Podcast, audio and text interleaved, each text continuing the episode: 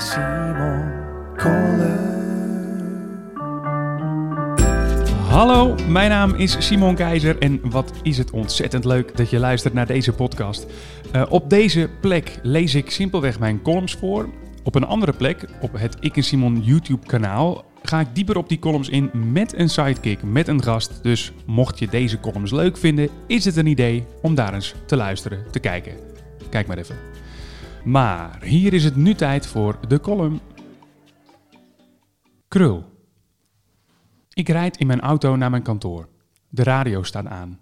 Het nieuws van 10 uur s morgens vertelt me dat bij een schietpartij op een school in de Amerikaanse staat Florida 17 leerlingen zijn omgekomen. De schutter zelf was een 19-jarige oud-leerling. Ik hoor het en krijg het er koud van. Ter hoogte van de plaatselijke Citroën-dealer zet ik de radio uit. Ik heb gewoon geen zin in deze berichten. Net naast de dealer valt mijn oog op een logo in de vorm van een krul. Een krul. Meteen maakt de kou in mijn lichaam plaats voor een gek soort warmte. Wat is er met de krul gebeurd? Waar is die gebleven? Ik heb hem al jaren niet meer gezien. En dan bedoel ik niet Tim Krul, de keeper. Hoor ik trouwens ook weinig meer van, maar dat maakt niet uit. Hij stopte twee penalties in de kwartfinale tegen Costa Rica op het WK van 2014, toen hij er net koud in kwam voor Sillissen. Daarna hoeft hij ook niet meer van zich te laten horen wat mij betreft. Mooier wordt het niet. Nee, ik bedoel de getekende krul. Dat friemeltje dat enigszins op het N-teken lijkt. Dat teken dat ik net als logo naast de autodealer zag hangen. Dat stukje blijk van waardering, die bevestiging van goed gedaan of van present, waar het vinkje ook wel voor staat. Heeft het vinkje de plek van de krul misschien overgenomen? En, en hoe heeft dat dan kunnen gebeuren? Simpelweg omdat de krul moeilijker te tekenen is? Gaan we dan met z'n allen zomaar voorbij aan zijn sierlijke uiterlijk?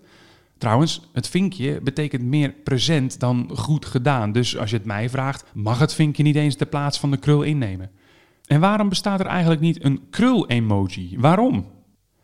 De goed gedaan betekenis van de krul, daarvoor ging je naar school. Je kwam de klas binnen, de les begon, je kreeg de nagekeken werkjes van de dag ervoor op je tafeltje, je bladerde als een bezetene door naar het laatst gemaakte werkje en daar zag je de bevestiging dat je dat goed had gemaakt. Dwars door jouw werkje heen had de juffrouw een grote krul geplaatst met pen.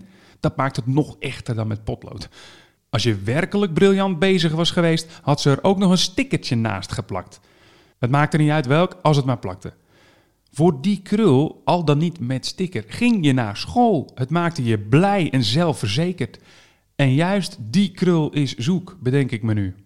Of dwaalt hij nog steeds ergens rond op de basisscholen? Stimuleren de leraren en leraressen de leerlingen nog steeds met het sierlijke teken? Dat zou mooi zijn, maar ik, ik vraag het me af. Ik heb mijn neefjes en nichtjes er in ieder geval nog nooit over gehoord. Als de krul echt verdwenen is, pleit ik voor een terugkeer gedragen door een landelijke campagne. En ja, inclusief emoji. Of zou die emoji niet bestaan omdat de krul misschien wel typisch Nederlands is? Heeft de krul überhaupt ooit in andere landen bestaan? In Amerika bijvoorbeeld? Of zijn de leerlingen daar altijd krulloos door het leven gegaan? In dat geval moet het een wereldwijde campagne gaan worden. Scheelt op de lange termijn misschien een aantal schietpartijen.